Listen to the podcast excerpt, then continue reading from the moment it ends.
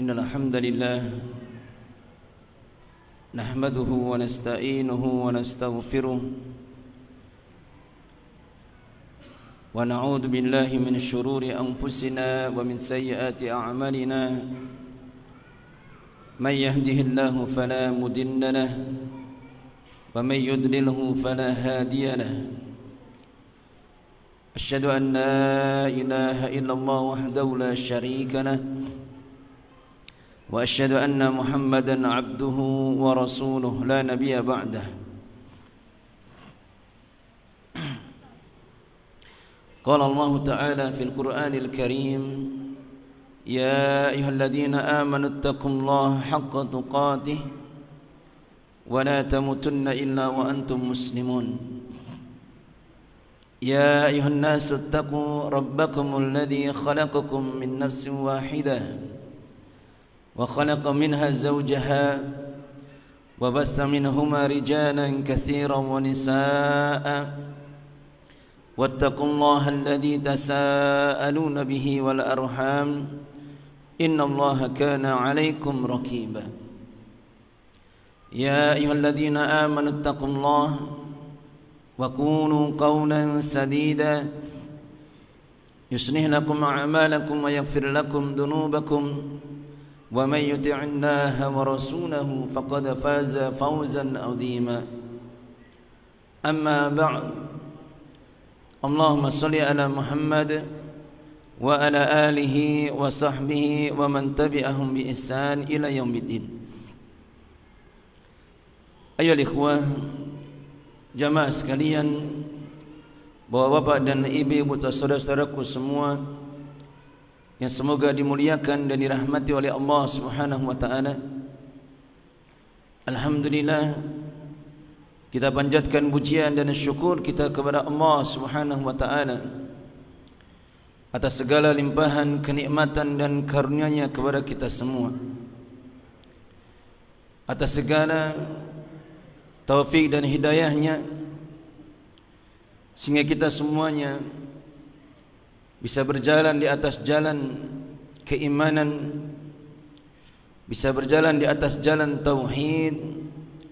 Dan jalan berittiba mengikuti petunjuk Nabi kita Muhammad sallallahu alaihi wasallam. Maka pada kesempatan pertemuan kita pada malam hari ini tak lupa pula saya sampaikan rasa terima kasih. Jazakumullahu khairan kepada bapak-bapak pengurus takmir dari Masjid Al-Mukarram masjid yang semoga diberkahi yang telah memberikan kesempatan kepada kami untuk memanfaatkan waktu dan tempat untuk bersama-sama saling bertanasuh nasihat menasihati untuk bersama-sama saling memberikan faedah ilmu dari perkara-perkara yang kita butuhkan di dalam kehidupan kita di dunia ini. Dan kajian kita pada kesempatan malam hari ini adalah meneruskan kajian yang sudah kita kaji bersama itu pembahasan dari kitab Qawaidul Arba kaidah-kaidah yang empat yang dengannya kita bisa mengetahui akar dari munculnya perbuatan-perbuatan kesyirikan kepada Allah Subhanahu wa taala. Sebagaimana apa yang sudah kita sampaikan bahwa ketika tauhid mengisahkan Allah Subhanahu wa taala di dalam rububiyahnya dengan meyakini bahwasanya Allah lah yang menciptakan seluruh alam semesta ini. Allah lah yang menguasainya dan Allah lah yang pula mengatur seluruh urusan hamba-hambanya. Bi juga meyakini tauhid uluhiyah menjadikan Allah satu-satunya zat yang berhak untuk diibadahi. Maka tauhid adalah perintah Allah yang paling terbesar. Tauhid adalah hak Allah yang paling terbesar. Hak Allah yang paling agung yang wajib kita tunaikan sebagai bentuk rasa syukur kita kepada Allah Subhanahu wa taala. Sebagai bentuk ubudiyah penghambaan kita kepada Allah Subhanahu wa taala. Karena ketika Allah Subhanahu wa taala telah memberikan sekian banyak kenikmatan kepada kita telah memberikan sekian banyak karunia kepada kita semua maka kewajiban kita adalah menunaikan hak Allah. Dan hak Allah yang paling terbesar adalah mentauhidkan Allah Subhanahu wa taala menjadikan Allah satu-satunya yang berhak untuk diibadai dengan segala macam ibadah yang ada. Maka ketika tauhid adalah hak Allah yang paling terbesar dan bentuk rasa syukur kita kepadanya, maka kebalikannya adalah bahwasanya kesyirikan itu adalah perbuatan kezaliman yang paling besar. Dan pada hakikatnya kesyirikan adalah bentuk penghinaan kita kepada Allah. Tidak ada rasa syukur dari seorang hamba itu kepadanya. Ketika Allah memberikan kepada kita sekian banyak kenikmatan, maka kemudian dibalas dengan menjadikan tandingan-tandingan untuk Allah, menjadikan sekutu-sekutu baginya, makhluk-makhluk yang tidak ada kekuasaan dan kesempurnaan badannya, Bahkan yang ada ada kelemahan. Yang ada adalah kekurangan. Maka ketika dijadikan sebagai tandingan bagi Allah subhanahu wa ta'ala Maka itu sama halnya bentuk penghinaan kepada Allah subhanahu wa ta'ala. Begitu juga apa yang telah disebutkan Di dalam banyak ayat-ayat Al-Quran Betapa berbahayanya perbuatan kesyirikan itu Betapa besar kerugian seorang hamba yang terjerumus dan terjatuh ke dalam perbuatan kesyirikan. Sehingga penting bagi kita semua untuk mempelajari apa itu kesyirikan kepada Allah. Untuk mempelajari batasan-batasannya. Sehingga ketika semakin tahu keburukan-keburukan yang ada pada kesyirikan dan bahaya-bahayanya, maka kita semakin berhati-hati untuk tidak terjatuh ke dalamnya. Karena sesuatu yang utama, sesuatu yang agung, suatu kebaikan akan semakin kita ketahui keagungannya, akan semakin kita ketahui kebaikannya ketika kita mengetahui perkara kebalikannya. Sebagaimana ucapan dari salah seorang sahabat yang mulia Hudzaifah bin Yaman radhiyallahu an beliau mengatakan araftu syarra la li syarri lakin li tawqihi Aku mengenal keburukan itu bukan untuk melakukan keburukan itu akan tapi untuk menjaga diri agar tidak terjatuh ke dalamnya. Wa man la ya'rif asyarra minal khair waqa'a fihi. Dan barang siapa dia tidak mengetahui keburukan dari kebaikan Maka dikhawatirkan dia terjatuh ke dalamnya. Maka sungguh Ada di dalam kesyirikan itu Sekian banyak kerusakan-kerusakan yang besar Bahaya-bahaya yang besar Sebagaimana disebutkan oleh penulis di sini. Di dalam ucapan beliau Kata beliau rahimahullah ta'ala فإذا عرفت أن الشرك إذا خلط العبادة أفسدها وأهبط العمل وصار صاحبه من من الخالدين في النار عرفت أن أهم ما عليك معرفة ذلك kata beliau rahimahullah ta'ala maka jika engkau telah mengetahui bahwasanya kesyirikan itu jika dia telah masuk dan mencampuri suatu ibadah Maka akan bisa merusak ibadah tersebut Dan bisa merusak pula amalan-amalannya bisa menghancurkan amalan-amalannya dan jadilah pelaku kesyirikan itu termasuk dari orang-orang yang akan kekal di dalam neraka. Sebagaimana disebutkan di dalam firman Allah Subhanahu wa taala satu peringatan yang Allah tujukan kepada nabinya sallallahu alaihi wasallam. Allah Subhanahu wa taala berfirman walaqad uhiya ilaika wa ilal ladina min qablika la in asyrakta la yahbatanna amaluka wa la takunanna minal khasirin. Dan sungguh telah diwahyukan kepada engkau dan kepada orang-orang sebelum engkau. Jadi kata huruf kaf di sini adalah kepada Rasulullah sallallahu alaihi wasallam sungguh jika engkau melakukan kesyirikan maka akan lenyap seluruh amal-amalmu dan kelak kamu akan menjadi orang-orang yang merugi Maka Allah Subhanahu wa taala telah memberikan peringatan kepada nabinya. Barang siapa yang dia melakukan kesyirikan maka akan menjadikan lenyap seluruh amal-amal ibadahnya. Dalam keadaan tidak mungkin Rasulullah sallallahu alaihi wasallam melakukan kesyirikan. Maka tentunya ini adalah peringatan yang jauh lebih besar ditujukan kepada kita semua.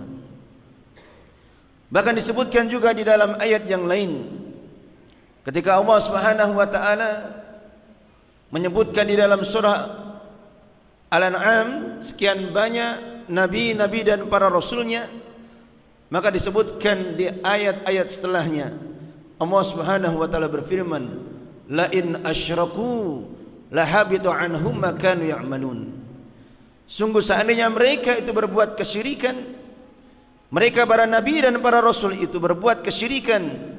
Lahabitu anhum makanu ya'malun. Sungguh akan lenyap seluruh apa yang telah mereka lakukan. Bi juga kesyirikan seorang hamba dia jadikan tandingan untuk Allah Subhanahu wa taala. Termasuk di antara kezaliman yang besar. Allah Subhanahu wa taala berfirman, "Inna syirka la zulmun 'adzim." Sesungguhnya kesyirikan itu adalah kedaliman yang besar. Kebalikannya tauhid adalah keadilan yang besar dari penunaian hak-hak Allah Subhanahu wa taala. Ini juga disebutkan di dalam salah satu hadis Rasulullah sallallahu alaihi wasallam pernah ditanya ayyu dzambin a'dham indallah? Dosa apa yang paling besar di sisi Allah Subhanahu wa taala? Qala Rasulullah SAW menjawab Asyirku billah. Itu berbuat kesyirikan kepada Allah Subhanahu wa ta'ala. Ayol ikhwah Rahimani rahimakumullah Sekarang apa itu kesyirikan Asyirku Berasal dari kata asyirka Maknanya adalah an-nasib Bagian Sebagaimana syirka Atau syarik ada yang menjadikan sekutu orang-orang yang bersama-sama di dalam suatu amalan atau suatu usaha. Ada secara, secara istilah syariah maka para ulama memberikan definisi atau pengertian dari kata syirik ini bahwasanya asyirku adalah istiwa'u ghairillah billah fima huwa min khasa'isillah min rububiyatihi wa uluhiyatihi wa asma'ihi wa sifatihi. Asyirku kesyirikan itu adalah menyamakan selain Allah dengan Allah Subhanahu wa taala pada perkara apa yang menjadi kekhususan dari Allah Subhanahu wa taala baik di dalam rububiyahnya atau di dalam uluhiyahnya atau di dalam nama-nama dan sifat-sifatnya Kemudian para ulama menjelaskan tentang macam-macam kesyirikan. Maka dilihat dari bahaya yang diakibatkan dari perbuatan kesyirikan, maka kesyirikan itu dibagi menjadi dua. Yang pertama adalah syirik akbar atau syirik besar. Kemudian yang kedua adalah syirik asgar atau syirik kecil. Yang pertama syirik besar itulah kesyirikan di dalam tauhid rububiyah maupun juga tauhid uluhiyah. Yaitu ketika seorang hamba dia meyakini bahwasanya ada selain Allah Subhanahu wa taala yang menciptakan alam semesta. Dia meyakini ada selain Allah Subhanahu wa taala yang mengatur seluruh urusan kita, mampu memberikan rezeki, mampu menghidupkan dan mematikan, mampu mengatur kehidupan di alam semesta ini, maka maknanya dia telah terjatuh ke dalam kesyirikan di dalam tauhid rububiyah. Kemudian juga termasuk di antara kesyirikan yang besar adalah ketika seorang hamba dia memberikan sebagian di antara ibadah yang merupakan hak Allah Subhanahu wa taala dia berikan kepada makhluk selainnya dari ibadah doanya sebagaimana Allah perintahkan ud'uni astajib lakum Berdoalah kalian maka niscaya aku akan kabulkan untuk kalian. Maka doa ini adalah ibadah yang merupakan hak Allah yang hanya boleh ditujukan kepada Allah Subhanahu wa taala. Begitu juga dia berikan ibadah sembelian kurbannya. Seperti apa yang dilakukan oleh sebagian di antara manusia ketika mereka memberikan sembelian atau zabahnya kepada selain Allah Subhanahu wa taala. Baik kepada penunggu laut ini, kepada penunggu gunung, penunggu sungai, penunggu danau. Maka kapan seorang memberikan sembelian itu kepada selain Allah, maka maknanya dia telah terjatuh ke dalam kesyirikan di dalam tauhid uluhiyah. Dan termasuk di antara kesyirikan yang besar. Sebagaimana Allah Subhanahu wa taala menyebutkan di dalam firman-Nya satu bentuk dari muahadah perjanjian yang hendaknya kita menjadikan seluruh ibadah kita dan kehidupan kita itu kita tujukan kepada Allah Subhanahu wa taala. Sebagaimana disebutkan di dalam ayat yang semuanya kita insyaallah hafal ayat ini Allah Subhanahu wa taala berfirman, "Qul inna salati wa nusuki wa mahyaya wa mamati lillahi rabbil alamin. Katakanlah sesungguhnya solat kemudian sembelihanku kemudian hidupku dan matiku lillahi ta'ala. Adalah untuk Allah ta'ala lillahi rabbil alamin adalah untuk Allah rabbil alamin. La syarika lahu wa bidzalika umirtu wa ana awwalul muslimin yang tidak ada sekutu baginya dan karena itulah aku diperintahkan dan aku adalah orang yang paling pertama kali menyerahkan diri. Hanya saja mungkin akan ada perkataan-perkataan yang kadang menjadikan syubhat, perkara-perkara yang samar bagi kita. Kenapa kaum muslimin ada sebagian di antara mereka melakukan kesyirikan akan tapi kadang mereka menganggap itu bukan kesyirikan. Maka sebab dari perkara ini adalah disebabkan karena ketidakfahaman di dalam memahami dari makna ibadah kita kepada Allah Subhanahu wa taala. Kadang sebagian di antara kaum muslimin mereka memahami ibadah itu adalah perkara-perkara yang sifatnya hal yang mahdoh saja. Mereka hanya menganggap bahwasanya ibadah itu yang sekedar solat, puasa, zakat, haji, kiraatul Quran dan sebagainya. Dan mereka tidak memahami bahwasanya Allah Subhanahu wa taala juga telah menetapkan di dalam ayat-ayat Al-Qur'an dan juga di dalam banyak hadisnya hadis Rasulullah sallallahu alaihi wasallam sekian banyak dari ibadah-ibadah yang merupakan hak Allah satu-satunya untuk diibadahi dengan semua ibadah-ibadah tersebut. Maka semua dari apa yang diperintahkan oleh Allah Subhanahu wa taala maka itu adalah makna ibadah. Semua apa yang Allah memuji orang yang melakukannya maka itu termasuk juga di dalam makna ibadah. Dan semua apa yang Allah janjikan dengan pahala bagi siapa yang melakukan suatu perbuatan atau amalan, maka itu juga dikatakan sebagai ibadah. Maka setiap apa yang ada di dalam ayat Al-Quran dan juga di dalam hadis-hadis Rasulnya, perkara-perkara ini semua, maka itu semua adalah ibadah yang hanya boleh kita tujukan kepada Allah Subhanahu Wa Taala.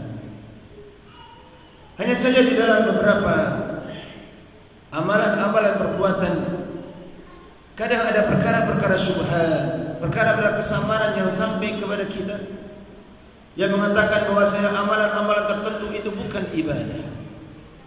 Yang mengatakan bahwasanya amalan-amalan tertentu itu hanya satu budaya, kearifan lokal, warisan dari nenek moyang kita.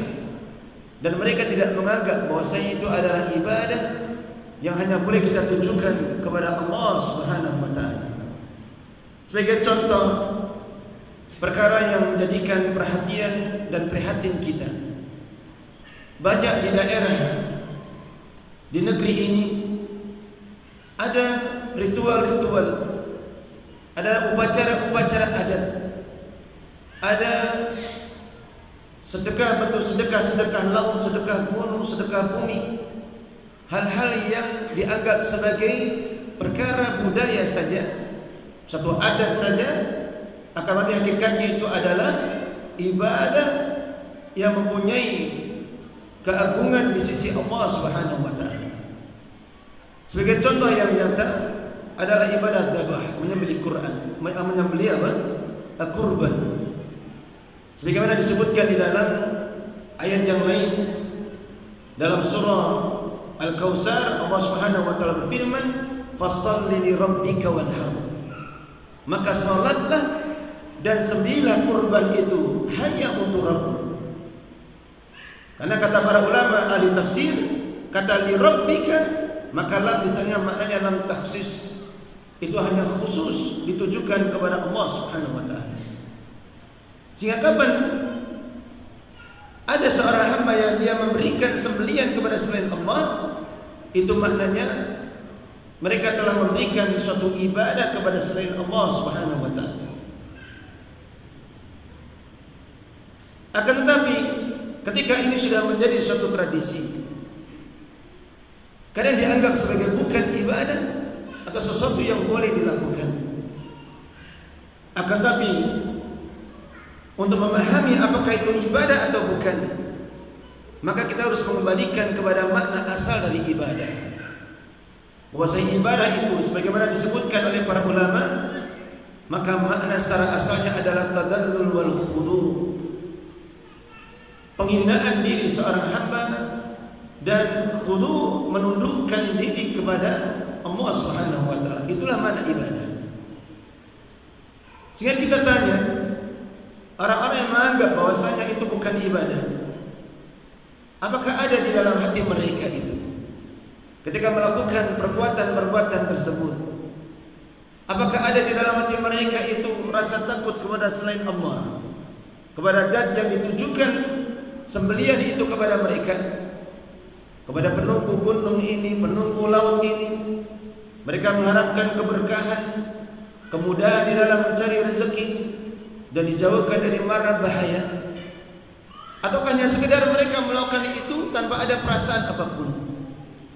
Maka sungguh kita dapati bahwasanya ada di dalam hati mereka itu rasa takut kepada selain Allah Subhanahu wa taala. Rasa takut dan pengagungan kepada makhluk-makhluk dari selain Allah Subhanahu wa taala. Sehingga kalau keadaan yang demikian, maka kita katakan bahwa itulah hakikat dari kesyirikan. Itulah hakikat dari kesyirikan ketika seorang hamba itu memberikan rasa takutnya, tawakalnya, memberikan rasa raja harapannya itu kepada selain Allah Subhanahu wa taala. Maka ini yang pertama dari penjelasan batasan dari syirik akbar. Kemudian sebelum kita menjelaskan apa itu syirik kecil. Terlebih dahulu akan saya jelaskan bahawa penamaan atau penyebutan dari perbedaan apa dari perbedaan penyebutan syirik besar dan syirik kecil bukan maknanya kemudian syirik kecil itu dianggap sebagai perkara yang remeh. Karena di, di lafaznya disebutkan kecil maka dianggap sebagai perkara yang remeh. Bukan demikian adanya. Akan tapi para ulama menyebutkan ada syirik besar dan syirik kecil maka itu hanya dalam rangka untuk membedakan akibat yang terjadi dari perbuatan syirik besar dan syirik kecil. Akan tapi bahayanya meskipun itu adalah syirik kecil sekalipun tetap saja dia termasuk di antara perbuatan dari dosa yang sangat besar di sisi Allah Subhanahu wa taala. Kemudian para ulama menjelaskan bahwa batasan-batasan syirik kecil itu ada tiga keadaan. Di batasan syirik kecil itu ada tiga keadaan. Yang pertama adalah kullu ma adlaqa asy-syari' annahu syirkul asghar. Setiap apa yang asy-syari' Allah Subhanahu wa taala menetapkan bahwasanya perbuatan itu adalah syirik kecil. Dan kalau batasan ini apa contohnya? Siapa yang tahu? Asyari Allah menetapkan bahwa perbuatan itu adalah syirik kecil. Apa contohnya?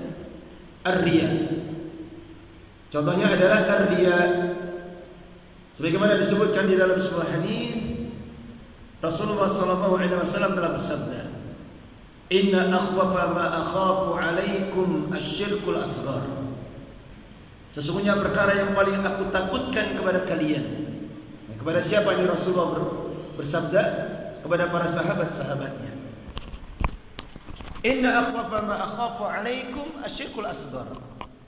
Sesungguhnya perkara yang paling aku takutkan terjadi pada kalian adalah syirik kecil. Yang kemudian para sahabat bertanya kepada beliau, "Ya Rasulullah, apa syirkul asghar?" Apa itu syirik kecil? Maka Rasulullah mengatakan ar-riya. Itulah perbuatan riya.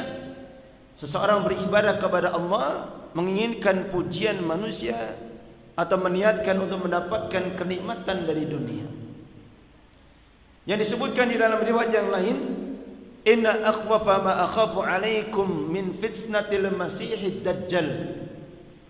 Sesungguhnya perkara yang paling aku takutkan terjadi pada diri kalian melebihi rasa takutku kepada fitnah dajjal yang kelak akan keluar di akhir zaman itulah syirik kecil. Dan Rasulullah mengatakan itulah riya.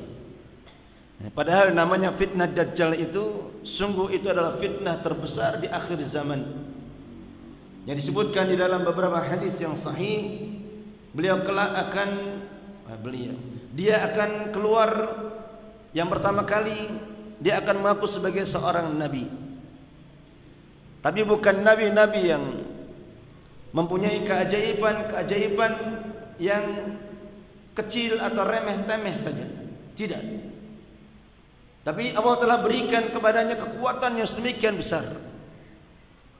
Ada orang di akhir zaman mengaku nabi, dia bisa menghidupkan yang mati, mematikan yang hidup. Bisa menumbuhkan tanaman dalam sekejap. Bisa menjadikan tanaman kering juga dalam sekejap. Bisa menjadikan danau sungai itu kering juga dalam sekejap.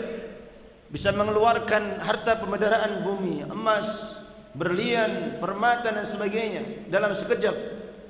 Maka sungguh pada akhir zaman kelak semoga kita tidak mendapati zaman itu akan keluar fitnah terbesar di akhir zaman itulah fitnah Masih Dajjal. Baru kemudian ketika sudah banyak pengikutnya maka kemudian dia akan mendakwakan dirinya sebagai Rabb Allah Azza wa Jalla. Dia akan memerintahkan kepada pengikutnya untuk menyembahnya. Dan karena besarnya fitnah ini sampai-sampai disebutkan di dalam sebuah hadis orang tua mengikat anak-anak perempuannya di tiang-tiang rumah. Sampai-sampai seorang kaum wanita lah yang paling banyak terfitnah dengan fitnah dajjal. Karena banyaknya perbendaraan harta emas berlian yang akan dikeluarkan demikian murahnya. Demikian banyaknya. Sehingga sampai-sampai mereka mengikat anak-anak perempuan dan istri-istri mereka di tiang-tiang rumah. Sungguh ini adalah fitnah yang paling terbesar di akhir zaman. Itu pun ada perkara yang lebih Rasulullah SAW itu takutkan terjadi pada sahabat-sahabatnya. Dan sekaligus juga ini adalah peringatan untuk umat beliau. Itulah penyakit ar-riya. Penyakit yang muncul karena kurangnya tauhid dia kepada Allah.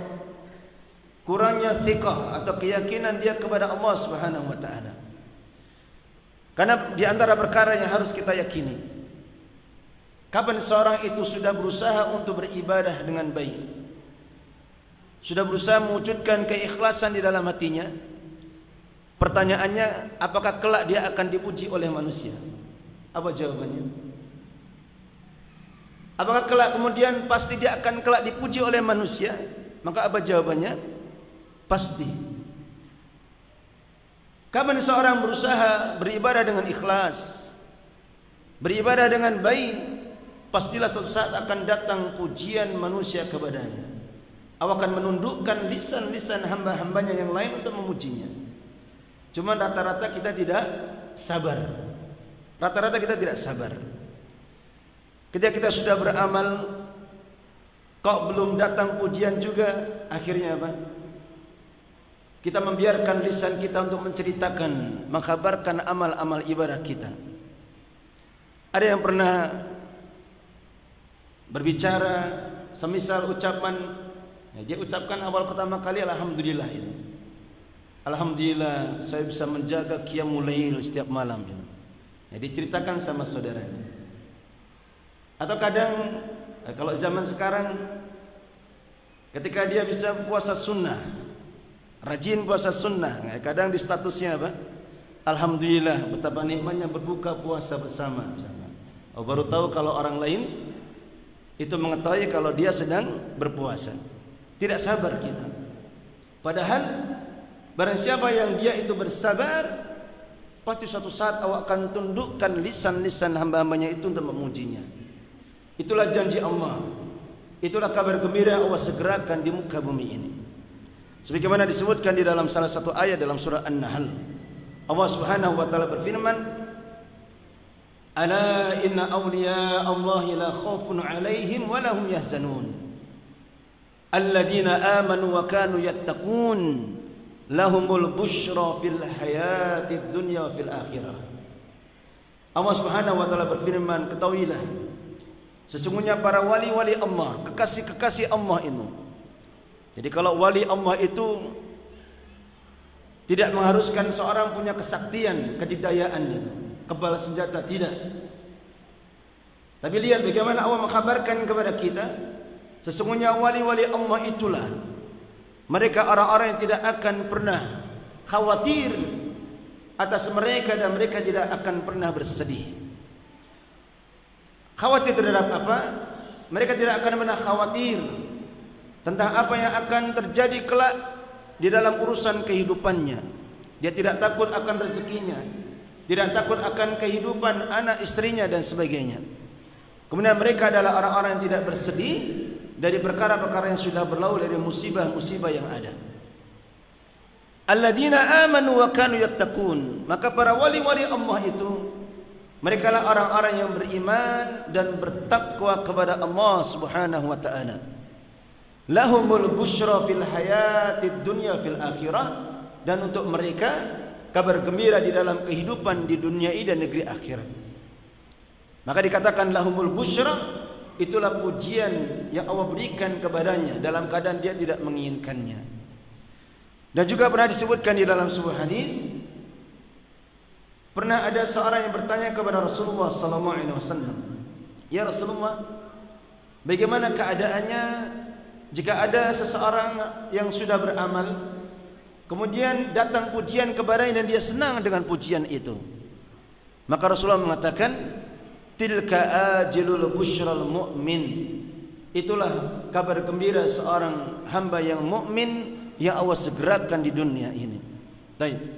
Ini batasan yang pertama. Kemudian batasan yang kedua adalah ja'lu syai'i sababan ma laysa bihi sabab ja'lu syai'i sababan ma laysa bihi bisababin menjadikan suatu yang bukan sebab sebagai sebab. Yang kedua adalah menjadikan suatu yang bukan sebab sebagai sebab baik itu adalah sebab kauni atau sebab syar'i. Kapan seorang menjadikan suatu yang bukan sebab sebagai sebab, maka itu maknanya dia telah terjatuh ke dalam kesyirikan kecil. Baik itu adalah sebab syar'i apa yang dimaksud dengan sebab syar'i? Sebab syar'i itu adalah sebab yang Allah atau Rasulnya tetapkan di dalam nas-nas atau dalil-dalil yang ada. Kita ambilkan contoh yang mudahnya, misalkan dalam rangka seseorang mencari kesembuhan, mencari obat. Maka obat itu ada yang Allah tetapkan di Al-Quran. Semisal apa? Asal madu. Atau apa? Misalkan zaitun misalkan disebutkan di dalam Al-Qur'an. Atau juga di dalam hadis habatus sauda dan semisalnya. Ini namanya sebab syar'i atau air zam-zam. Kemudian apa yang dimaksud dengan sebab kauni? Maka sebab kauni maknanya sebab yang didapatkan dari penelitian dari pengkajian para ahli bahwasanya ada zat-zat tertentu dalam tumbuhan, dalam benda-benda tertentu dia bisa memberikan manfaat secara ilmiah. Ya kalau istilahnya di masyarakat kita ada obat-obat herbal ya, seperti apa? Misalkan jahe, kunir atau kunyit, kemudian ada temulawak dan sebagainya. Maka kapan memang ada kaitan antara benda ini dengan sebab kesembuhan yang didapatkan maka ini namanya sebab kauni. Maka disebutkan di dalam batasan yang kedua tadi bahwasanya kapan seorang menjadikan suatu sebab dia bukan sebab kauni dan bukan sebab syar'i sebagai sebab maka dia telah terjatuh ke dalam kesyirikan. Dan ini hal yang kadang kita dapat ada pada sebagian di antara kaum muslimin pula semisal apa menempelkan jimat di rumah-rumah, di toko-toko. Kadang jimat dikalungkan pada anaknya tujuannya agar apa? Agar tidak mudah terkena penyakit atau bala. Ditempelkan di rumah agar tidak kemasukan pencuri. Ditempelkan di toko agar datang apa? rezekinya, datang pembeli yang banyak dan sebagainya. Maka seperti ini dia bukan termasuk sebab syar'i sekaligus bukan termasuk dari sebab kauni. Sebab syar'i sama sekali Allah tidak pernah memerintahkan. Sebab kauni juga tidak ada kaitannya itu. Bahkan yang ada adalah peringatan. Sebagaimana disebutkan di dalam sebuah hadis, Rasulullah SAW bersabda, "Man ta'allaqa tamimah faqad asyraka aw kafara." Barang siapa yang menggantungkan tamimah, jimat yang dia yakini itu bisa mendatangkan manfaat dan menolak kemudaratan maka sungguh dia telah terjatuh ke dalam perbuatan kesyirikan atau kekufuran. Maka ini yang ada peringatannya dari Nabi sallallahu alaihi wasallam. Adapun secara kauni tidak ada hubungannya. Ada hubungannya misalkan benang yang dikalukan di anak kecil maka kemudian itu bisa menolak penyakit. Ada hubungannya? Tidak ada. Dan tentang ini pula disebutkan di dalam sebuah hadis akan tapi sanadnya diperbincangkan, diperselisihkan oleh para ulama. Itu riwayat yang menyebutkan bahawa satu hari Rasulullah SAW itu pernah mendapati seorang pemuda yang ada di lengannya itu sebuah kalung. Maka ketika Rasulullah melihatnya, beliau bertanya kepadanya, Mahada atau Mahadihi. Kata pemuda itu, Minal wahina. Rasulullah bertanya, apa ini? Dia mengatakan ini adalah kalung agar saya tidak menjadi lemah karenanya. Maka kemudian Rasulullah menghardiknya, melarangnya dengan keras inzi'ha.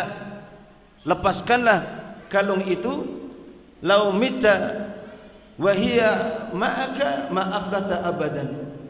Seandainya engkau itu meninggal dalam keadaan benda ini ada padamu, ma'aflata abadan. Engkau tidak akan pernah beruntung selamanya.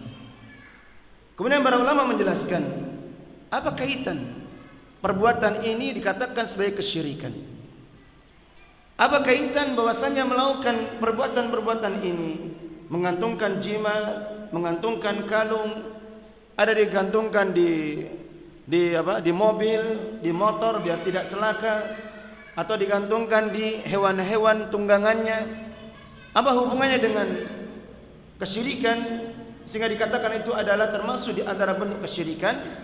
Maka dijelaskan oleh para ulama bahwa barang siapa yang melakukan perkara ini sama saja dia telah menandingi Allah di dalam menciptakan sebab. Faham ini maksudnya? Kapan dia melakukan itu berarti apa? Dia menandingi Allah di dalam menciptakan apa? Menciptakan sebab. Karena Allah tidak menciptakannya, tidak menetapkan sebagai sebab syar'i dan juga tidak menetapkan sebagai sebab kauni.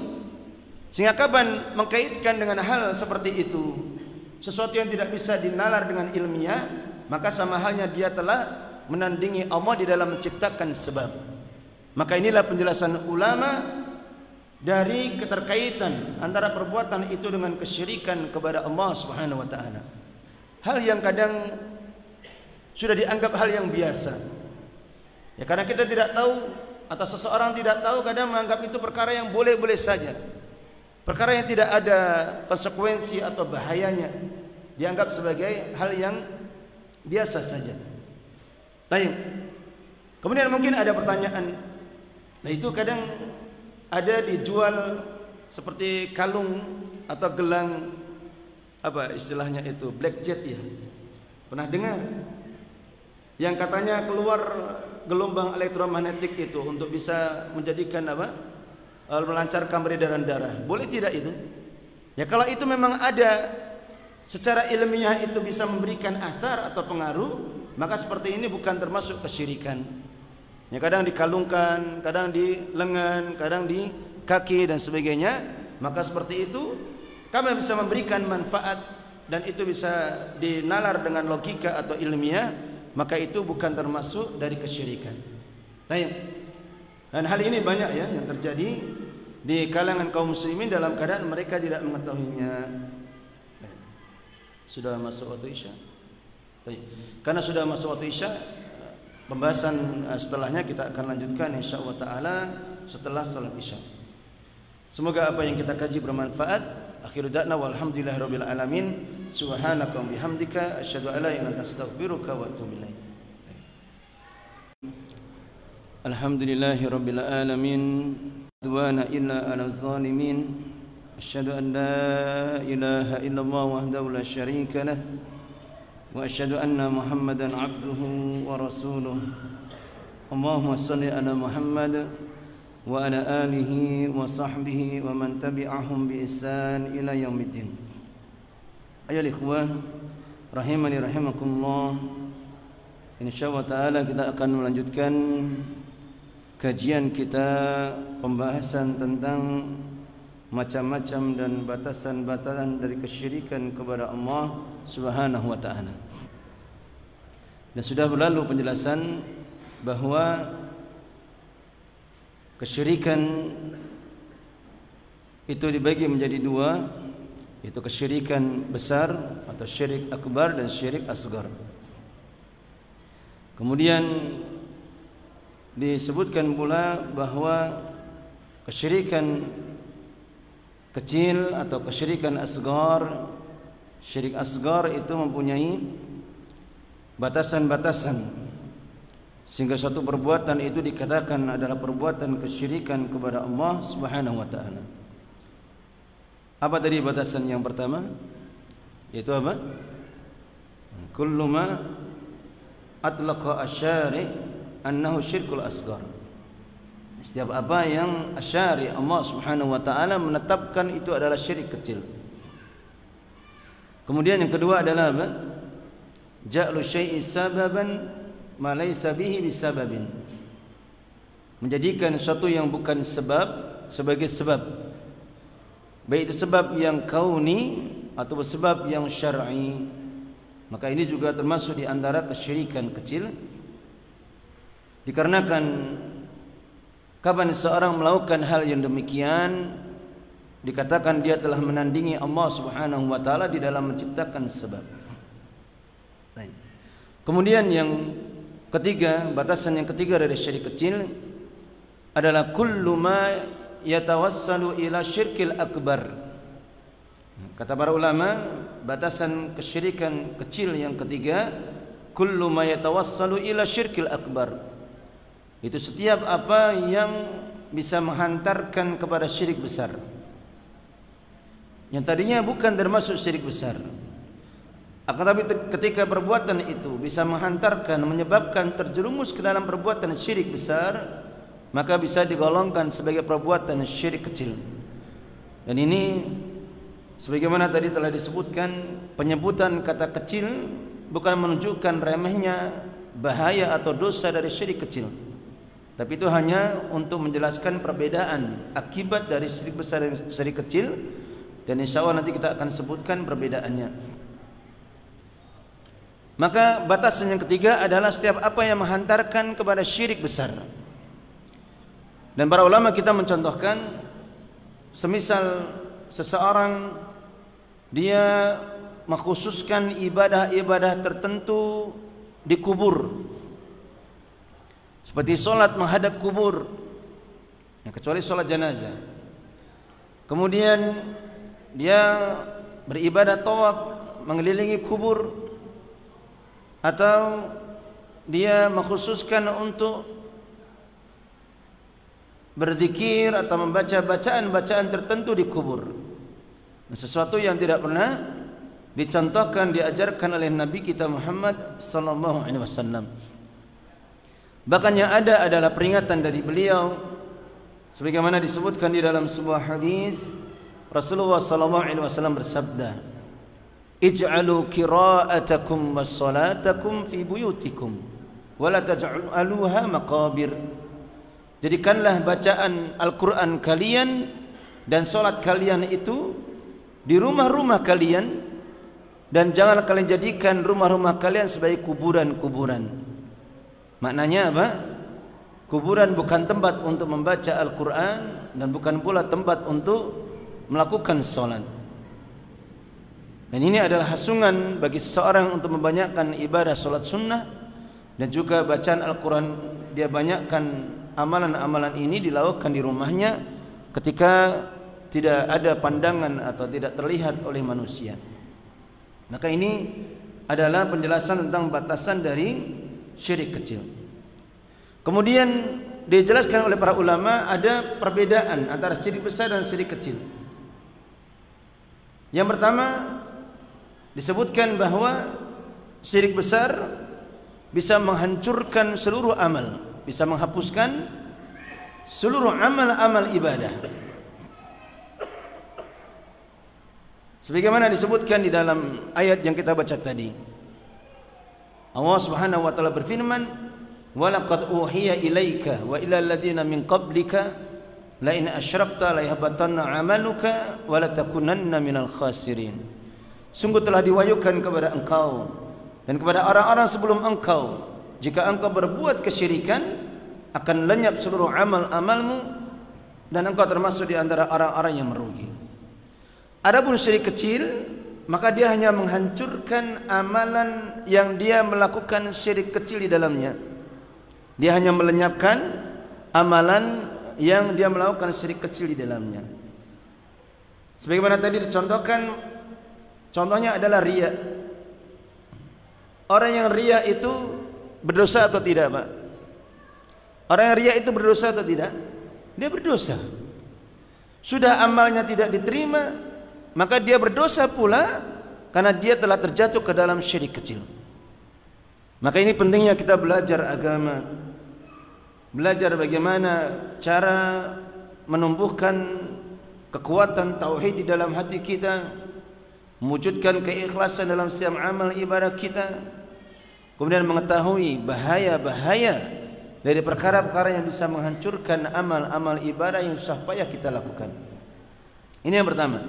Kemudian yang kedua, bahwasanya syirik besar bisa menjadikan sebab kekalnya di neraka. Syirik besar maka bisa menyebabkan kekal di neraka. Adapun syirik kecil maka dia tidak kekal di neraka. Akan tapi kelak akan Allah angkat dari neraka. Setelah Allah adab sehingga menjadi hitam legam menjadi arang. Kemudian awak angkat awak masukkan ke dalam sungai-sungai di surga. Dia akan tumbuh sebagaimana tumbuhnya tanaman. Sehingga akan tampak indah sebagaimana keadaan para penduduk surga. Sebagaimana disebutkan di dalam hadisnya Rasulullah SAW bersabda man Allah la yushriku bihi syai'an dakhala al-jannah wa man laqiyahu yushriku bihi syai'an dakhala an-nar Barang siapa yang dia bertemu Allah artinya dia meninggal dalam keadaan dia tidak menyekutukan Allah maka dia akan masuk ke dalam surga. Dan barang siapa yang dia meninggal dalam keadaan dia menyekutukan Allah maka dia akan masuk ke dalam neraka ini bukan maknanya kemudian ya kalau begitu tidak apa-apa kita melakukan dosa yang lainnya yang penting bukan syirik nah, benar tidak ucapan ini Ya, sungguh ucapan yang keliru. Ini ucapan orang yang tertipu. Karena bukan maknanya kemudian orang yang banyak melakukan dosa, melakukan kemaksiatan kepada Allah, kemudian dia aman dari adab Allah di neraka kelak. Bukan seperti itu keadaannya. Tapi inilah di antara keutamaan yang besar dari tauhid kita dan bahaya yang besar pula dari kesyirikan seorang hamba kepada Allah Sehingga makna yang dijelaskan oleh para ulama di antara yang antum bisa melihat di dalam penjelasan Syekh Utsaimin dalam Qaulul Mufid, beliau mengatakan bahwasanya barang siapa yang meninggal dalam keadaan dia tidak menyekutukan Allah, dia akan masuk surga. Maknanya apa? Dia akan masuk surga awalian atau akhirian. Dia masuk surga di awal tanpa dia masuk ke dalam neraka terlebih dahulu. Karena Allah mengampuni semua dosa-dosanya dengan sebab dia jaga tauhid dia kepada Allah atau dia masuk surganya nanti awak adab dulu sebabkan karena dosa dan maksiat yang dia lakukan awak adab di neraka kemudian awak angkat ke surga akan tapi tetap dia akan terselamatkan dari kekalnya api neraka maka di antara keutamaan yang besar dari tauhid kita adalah awak akan selamatkan seorang hamba dari kekalnya api neraka. Ya, tapi jangan mikir, ya sudah tidak apa-apa di neraka dulu nanti masuk surga juga. Nah, emang neraka enak itu. Ya, sampai kadang ada seloroh ya. Nah, nanti di neraka ketemu dengan banyak artis katanya. Sudah tidak ada orang yang cantik di sana itu kan? Semuanya gosong semua. Ya. Sama halnya kebalikannya, man laqiyahu yusyriku bi syai'an dakhalan nar. Barang siapa yang dia bertemu Allah, dia meninggal dalam keadaan dia berbuat kesyirikan, maka pasti dia akan masuk neraka. Baik masuknya itu awalian, artinya apa? Pertama kali langsung dimasukkan ke neraka selama-lamanya atau apa? Dia masuk ke neraka dulu dan itu karena sebab kesyirikan termasuk syirik kecil di sini baru kemudian setelah Allah mengadab dia membersihkan dosa-dosanya baru kemudian dia masukkan ke dalam surga. Faham ini ya? Nah, sehingga uh, termasuk di antara bentuk kesalahan ketika menganggap seseorang itu boleh bersandar kepada ampunan Allah. Selama saya tidak kedukun, selama saya tidak memasang jimat, selama saya tidak melakukan perbuatan-perbuatan kesyirikan, maka aman-aman saja kelak dia yaumul kiamah. Maka ini adalah bentuk perbuatan orang-orang yang magrur tertipu dengan angan-angannya. Akan tapi yang benar justru dengan tauhidnya seseorang maka buah dari tauhid itu akan menjadikan seorang semakin takut kepada Allah. Semakin seorang mengagungkan Allah, semakin dia takut kepada Allah. Takut berbuat keburukan, takut berbuat dosa dan kemaksiatan kepada Allah Subhanahu wa taala. Oleh karena itulah para ulama mengatakan bahawa setiap perbuatan dosa dan maksiat itu nau'un min anwa'is syirik. Dia adalah satu macam dari macam-macam kesyirikan. Tapi tidak boleh kemudian kita mengatakan bahwasanya berzina, minum khamr itu kesyirikan, tidak boleh kita mengatakan seperti itu. Tapi kita katakan apa? Sebagaimana para ulama menjelaskan, nau'un min anwa'is syirik. Satu macam dari macam-macam kesyirikan. Dari sisi mana? Dari sisi mana itu dikatakan kesyirikan? Dari sisi kurangnya rasa takut dia kepada Allah. Kurangnya kecintaan dia kepada Allah. kurangnya dia mengagungkan Allah padahal itu termasuk di antara ibadah-ibadah yang agung di sisi Allah Subhanahu wa taala. Kemudian hal yang penting untuk dipahami dalam masalah ini. Bahwasanya ketika kita mendakwahkan dakwah tauhid ketika kita memperingatkan umat ini dari kesyirikan atau dari kekufuran itu bukan maknanya kita senang mensyirik-syirikkan orang lain. Bukan maknanya kita senang mengkafir-kafirkan orang lain bukan. Ya, kadang anggapan seperti ini kan muncul di masyarakat. Itu orang-orang berjenggot kalau cingkrang itu senangnya mensyirik-syirikkan orang lain. Senangnya mengkufur-kufurkan orang lain, mengkafirkan orang lain, sama sekali tidak. Tapi apa yang hendak kita jelaskan? Kita peringatkan umat ini dari kesyirikan, kaum muslimin agar menjauhi kesyirikan. Itu justru bentuk dari rasa kasih sayang kita kepada kaum muslimin. Kita menginginkan kebaikan pada diri kita, sekaligus juga kita menginginkan kebaikan kepada kaum muslimin. Sehingga menjadikan Allah Subhanahu wa taala memberkahi kehidupan kita juga memberkahi kehidupan dari seluruh kaum muslimin. Baik. Kemudian kata beliau di dalam kitabnya. La'alla Allah ayukhlisaka min hadhihi syabakah wa hiya asyirku billah. Semoga Allah menyelamatkanmu dari perangkap ini. Itu jerat-jerat syaitan. Karena kesyirikan adalah pintu yang paling terbesar dari usaha syaitan untuk menghancurkan dan menjerumuskan manusia. Itu kesyirikan kapan seorang itu terjatuh dalam kesyirikan maka itu bentuk dari kesenangan bentuk dari keberhasilan syaitan untuk menjerumuskan dan menyesatkan manusia. Sehingga beliau penulis rahimah wa taala di sini mendoakan kepada kita. Mendoakan untuk kita agar Allah menyelamatkan engkau dari perangkap ini yaitu asyirku billah itulah kesyirikan kepada Allah Subhanahu wa taala. Dalam keadaan bahaya kesyirikan sedemikian bahayanya dan mengerikannya. Di antaranya apa yang belum disebutkan dalam apa yang sudah kita sampaikan tadi bahwasanya Allah Subhanahu wa taala tidak akan mengampuni dosa kesyirikan. Disebutkan di dalam ayatnya Allah Subhanahu wa taala berfirman, "Inna Allah la yaghfiru an yushraka bihi ma duna dzalika liman yasha." Wa may yushrik billahi faqad dhalla dhalalan ba'ida.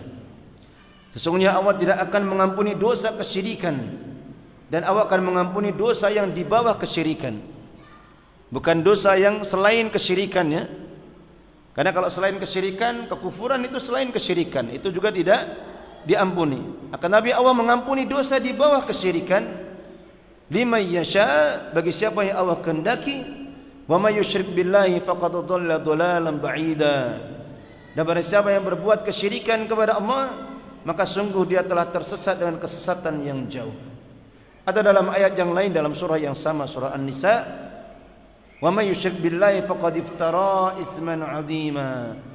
Barang siapa yang dia berbuat kesyirikan, maka sungguh dia telah membuat kedustaan yang sangat besar. Baik. Sebagaimana disebutkan di dalam ucapan beliau di sini, Inna la yaghfiru ay yushraka bihi wa yaghfiru ma duna dzalika liman yasha. Nah, sekarang mungkin ada pertanyaan, apa sih beda antara syirik dan kufur itu? Pertanyaannya apa? Lebih umum mana? Lebih umum mana atau lebih mencakup mana syirik atau kufur? Lebih mencakup mana? Kufur. Nah, kufur lebih apa? Mencakup. Kenapa demikian?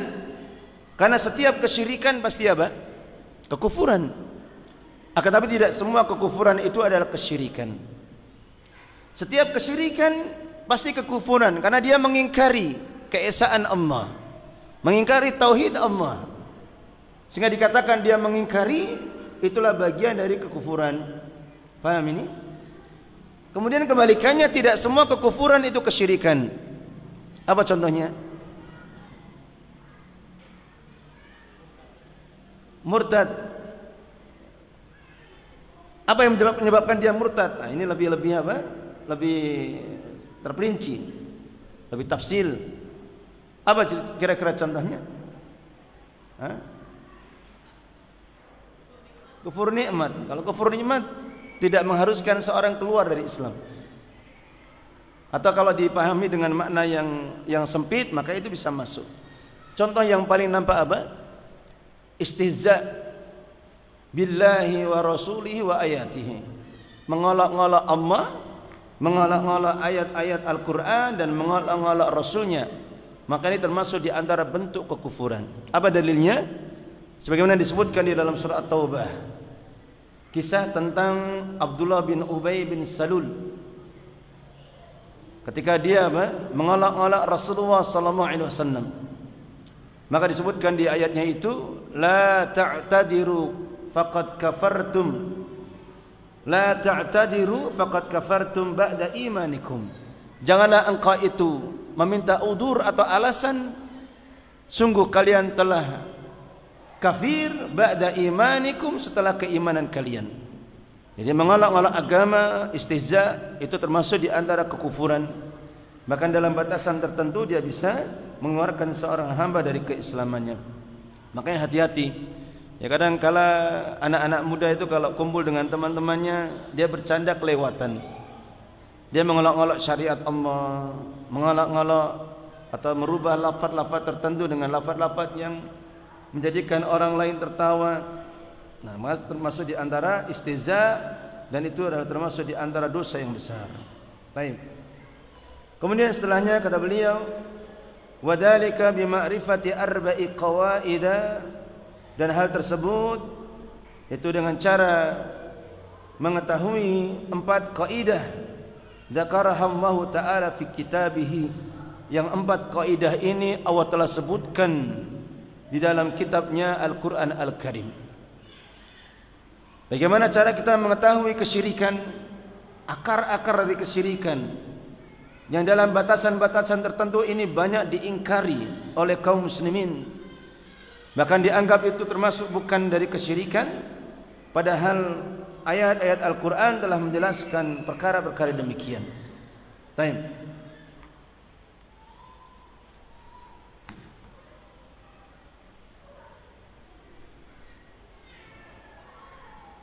Saya sebutkan kaidah yang pertama pada kesempatan malam ini. Al-qaidatul ula. Kaidah yang pertama. Kata beliau rahimahullah taala, "An ta'lama anna al-kuffar alladhina qatalahum Rasulullah sallallahu alaihi wasallam mukirruna bi anna Allah ta'ala huwal khaliqul mudabbir." Wa anna dhalika lam yudkhilhum fil Islam. Kaidah yang pertama kata beliau bahwasanya hendaknya engkau mengetahui bahwasanya orang-orang kufar yang Rasulullah sallallahu alaihi wasallam telah memerangi mereka mukiruna bi anna Allah taala bahwasanya orang-orang kufar itu mereka adalah orang-orang yang meyakini bahwasanya Allah taala huwal khaliqul mudabbir Allah adalah pencipta dan pengatur alam semesta. Wa anna dzalika lam yudkhilhum fil Islam dan bahwasanya hal tersebut tidaklah memasukkan mereka ke dalam Islam. Ini kaidah yang yang pertama. Kata beliau apa? Orang-orang kafir Quraisy zaman dahulu yang Rasulullah diperintahkan untuk mendakwahi mereka, kaumnya sendiri. Kemudian Rasulullah diperintahkan untuk memerangi mereka mereka adalah kaum yang mengenal Allah. Bahkan mereka mengimani rububiyah Allah Subhanahu wa taala. Mereka meyakini bahwasanya Allah lah pencipta dan pengatur alam semesta. Maka kaidah yang pertama ini beliau inginkan kepada kita untuk mengetahui suatu hakikat tentang keadaan kesyirikan dari orang-orang Arab jahiliyah zaman dahulu. Karena mungkin bisa jadi Kebanyakan kita dahulunya hanya memahami Rasulullah diutus kepada kaum yang tidak mengenal Allah. Bisa jadi kita memahami demikian. Rasulullah diutus kepada kaum yang mereka sujud menyembah berhala. Mereka tidak mengenal Allah dan juga tidak mengenal, tidak meyakini bahwasanya Allah lah yang menciptakan alam semesta ini. Maka ini hal yang harus kita pahami. Sama sekali bukan. Bahkan Rasulullah diperintahkan kepada kaum yang mereka itu mengenal Allah. Mereka sering mengucapkan lafaz Allah. Kalau bersumpah wallahi wallahi itu ucapan mereka zaman dahulu. Bahkan mereka mengenal dan meyakini Allah lah pencipta mereka dan peng, dan pengatur mereka, penguasa alam semesta ini. Mengatur urusan rezeki mereka, kehidupan dan kematian mereka. Hanya saja keyakinan mereka seperti ini tidaklah memasukkan mereka ke dalam Islam. Ketika mereka tidak menjadikan Allah satu-satunya diibadai dengan semua ibadah yang ada. Wa dalilu qawluhu ta'ala dan dalilnya adalah firman Allah Ta'ala Kul may yarzuqukum minas samai wal ard. Katakanlah siapakah yang memberikan rezeki kepada kalian dari langit dan bumi? Ya Rasulullah diperintahkan untuk bertanya kepada mereka, kul katakanlah may yarzuqukum minas samai wal ard. Siapa yang memberikan rezeki kepada kalian dari langit dan bumi? Sebagaimana urusan rezeki urusan yang paling mendapat perhatian yang besar tentang penghidupan mereka amma yamliku sam'a wal absar atau siapa yang menguasai pendengaran dan penglihatan wa may yukhrijul hayya minal mayyit dan siapa yang mengeluarkan yang hidup dari yang mati wa yukhrijul mayyita minal hayy.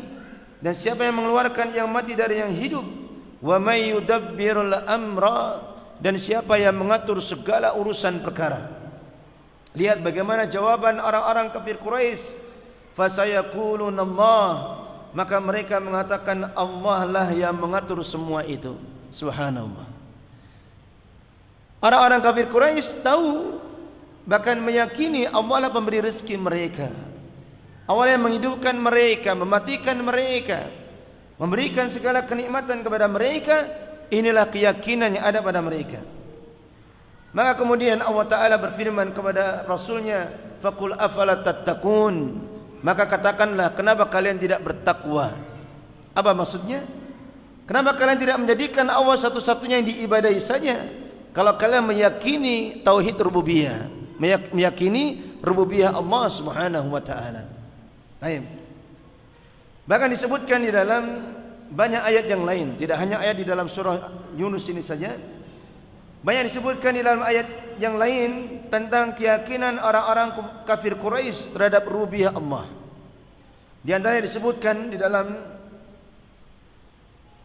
surah Az-Zukhruf ayat ayat 9 Allah Subhanahu wa taala berfirman wala in sa'altahum man khalaqas samawati wal arda la yaqulunna khalaqahunna al-azizul alim Allah Subhanahu wa taala berfirman dan sungguh jika engkau bertanya kepada mereka Siapa pencipta langit-langit dan bumi itu? Layakulunna. Sungguh mereka akan mengatakan khalaqahunnal azizul alim. Telah menciptakan mereka langit-langit dan bumi itu adalah zat yang maha mulia dan maha mengetahui. Perhatikan ini. Sampai-sampai orang kafir Quraisy itu tahu Allah itu zat yang maha mulia dan maha mengetahui. Mereka tahu nama Allah itu Al-Aziz Al-Alim mereka mengetahuinya. Dia juga disebutkan di dalam ayat yang lain wala in sa'altahum man khalaqahum la yaqulunna Allah fa anna yufakun. Dan sungguh jika engkau bertanya kepada mereka siapa yang menciptakan mereka? La yaqulunna Allah. Sungguh mereka akan mengatakan Allah lah yang menciptakan mereka. Fa anna yufakun. Maka bagaimana mereka itu bisa dipalingkan? Tayyib.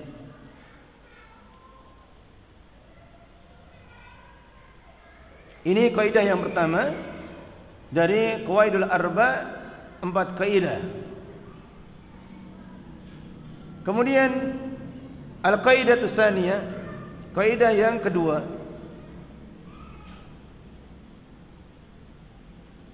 Annahum yaqulun bahwasanya mereka mengatakan ma da'awnahum wa tawajjahna ilaihim illa li talabil qurbati wasyafa'ah bahwasanya mereka mengatakan tidaklah kami menyeru mereka. Tidaklah kami beribadah kepada mereka menghadapkan wajah-wajah kami kepada mereka. Itu kepada berhala-berhala itu illa li talabil qurbati wasyafa'ah. Kecuali untuk mendapatkan kurba kedekatan kepada Allah wasyafa'ah dan mendapatkan syafaat. Maka perhatikan apa yang diinginkan oleh penulis rahimahullah taala bahwasanya beliau ingin memahamkan kepada kita orang-orang kafir Quraisy itu tidaklah mereka beribadah kepada berhala itu karena meyakini bahwasanya berhala itu bisa memberikan manfaat dan bisa menolak bahaya. Ini poin yang ingin dijelaskan kepada kita. Sama sekali mereka tidak pernah meyakini berhala itu bisa memberikan manfaat, bisa memberikan rezeki, bisa menolak bahaya. Tidak. Tapi untuk apa mereka beribadah kepada berhala itu? Ditolabil kurba wa syafa'ah. Agar mendekatkan mereka kepada Allah dan untuk mendapatkan syafaat darinya. Baik. Dan untuk pembahasan ini insyaAllah kita akan lanjutkan pembahasannya nanti di uh, kajian ba'da subuh saja. Mungkin masih ada waktu yang ingin ditanyakan dari sebagian para ikhwah silakan.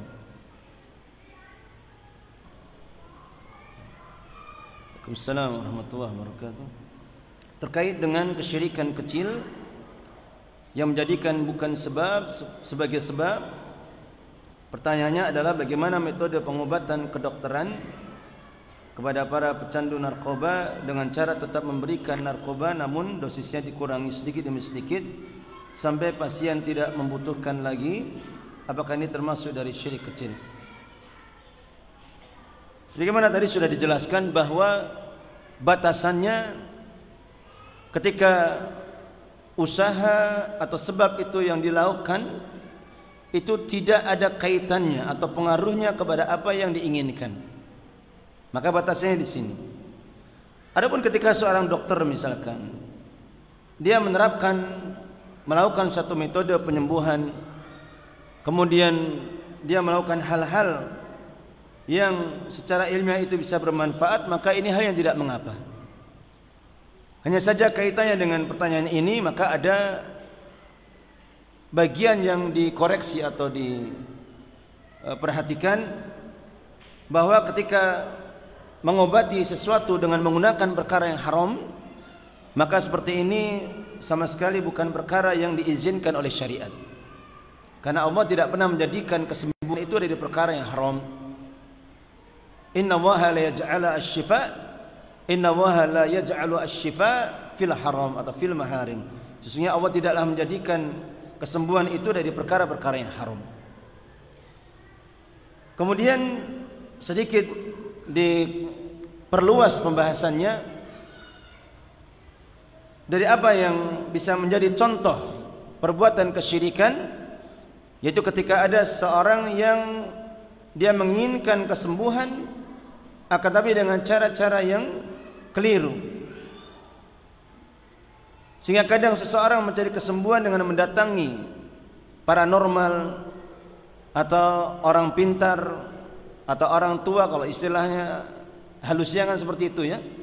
Akan tapi hakikatnya siapa? Ya dukun juga.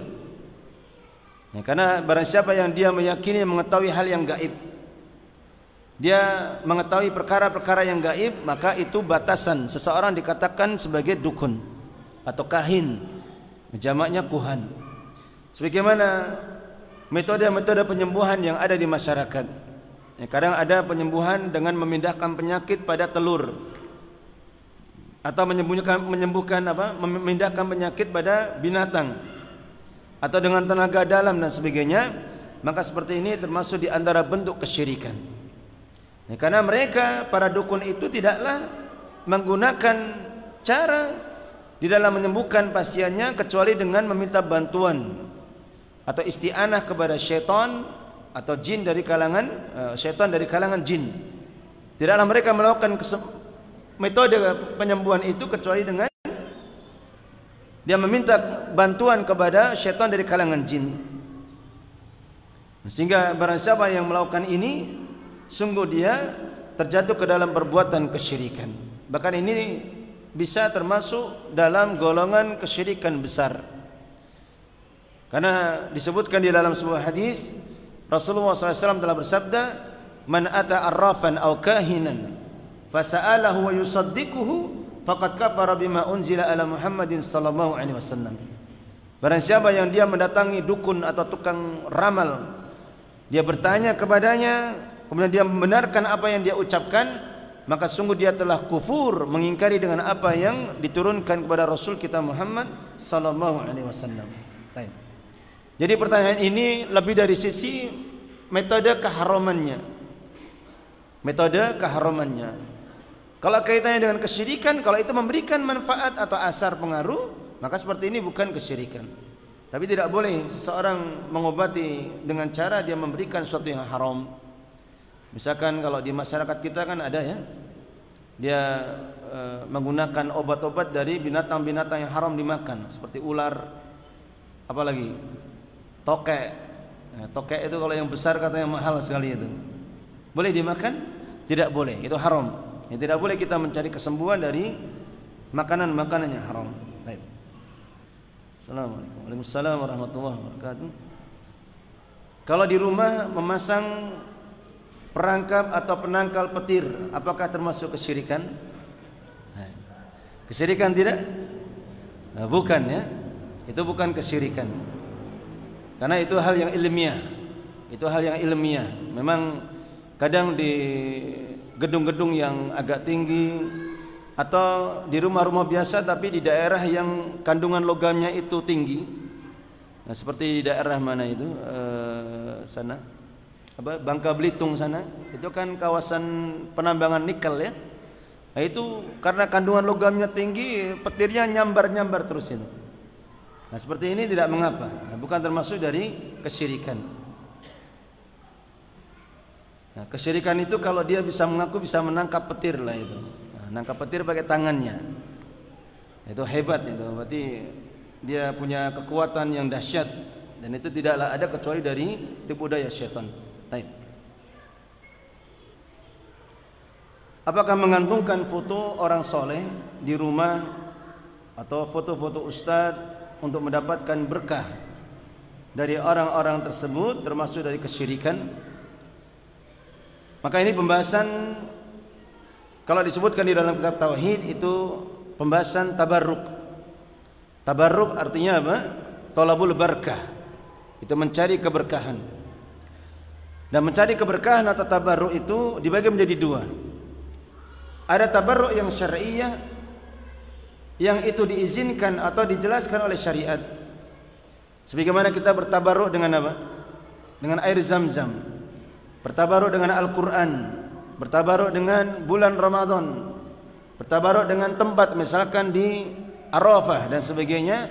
Maka seperti ini adalah perkara yang dibolehkan. Karena syariat mengizinkan. Adapun yang kedua tabaruk yang syirkiyah. Itulah tabaruk pada benda-benda yang tidak memberikan asar dengan sendirinya dan tidak ditetapkan oleh syariat ini dan tidak ada kaitannya dengan sisi akibat sebab dan akibat.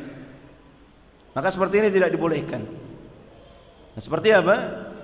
Bertabarok dengan misalkan memajang foto misalkan. Bertabarok dengan pohon-pohon yang dikeramatkan atau kuburan-kuburan yang dikeramatkan maka ini termasuk dari kesyirikan. Sesuatu yang telah diperingatkan oleh Rasulullah sallallahu alaihi wasallam. Sebagaimana kisah yang masyhur tentang apa? Hadis zatu anwat. Hadis zatu anwat. Disebutkan di sana dari sahabat Abu Waqid Al-Laisi radhiyallahu an bahwasanya beliau dan bersama para sahabat-sahabat yang lainnya bersama Rasulullah pernah melakukan satu safar di dalam perang Hunain. Yang pada saat itu kaum muslimin setelah Fathu Mekah berangkat dengan pasukan kurang lebih sebanyak 12.000 pasukan. Jumlah pasukan yang tidak pernah ada di zaman Rasulullah melainkan di zaman ketika perang Hunain. Sehingga kemudian beliau mengatakan famarna Zati anwat atau pamarna Nabi sidrat bi sidrin yuqalu datu anwat. Kemudian kami melewati sebuah pohon sidr atau bidara yang disebut atau dinamakan dengan datu anwat. Maka pada saat itu para sahabat Rasulullah yang baru saja masuk ke dalam Islam dan meminta kepada Rasulullah, "Ya Rasulullah, ij'al lana data anwat kama lahum datu anwat." Ya Rasulullah, jadikan untuk kami datu anwat sebagaimana mereka punya datu anwat. Itu pohon yang biasanya orang-orang musyrikun mereka menggantungkan senjata-senjata mereka agar mendapatkan keberkahan atau kekuatan. Maka para ulama menjelaskan bahawa ketika Rasulullah mengucapkan Allahu Akbar atau dalam riwayat yang lain Subhanallah. Rasulullah takjub dengan permintaan para sahabat itu dalam keadaan mereka sudah mengikrarkan kalimat tauhid la ilaha illallah. Sungguh kalian laqad kultum kama qala bani Israil Musa. Sungguh kalian telah mengucapkan ucapan sebagaimana orang-orang Bani Israel berkata kepada Nabi Musa, "Ij'al lana ilahan kama lahum aliha." Jadikan untuk kami suatu ilah sesembahan sebagaimana mereka punya sesembahan-sembahan. Maka disebutkan di dalam penjelasan para ulama, Rasulullah mengingkari perbuatan ini dan termasuk di antara kesyirikan. Meskipun mereka sendiri tidak menyembah Datu Anwat, artinya meskipun mereka sendiri akhirnya tidak melakukannya, tidak melakukan kesyirikan itu. Rasulullah ingkari itu sebagai bentuk dari perbuatan kesyirikan. Baik. Dan ini bentuk dari penjagaan Rasulullah terhadap umat ini. Bagaimana peringatan-peringatan beliau agar menjadikan umat ini dijauhkan dari perbuatan kesyirikan. Ada lagi? Ada pertanyaan lagi?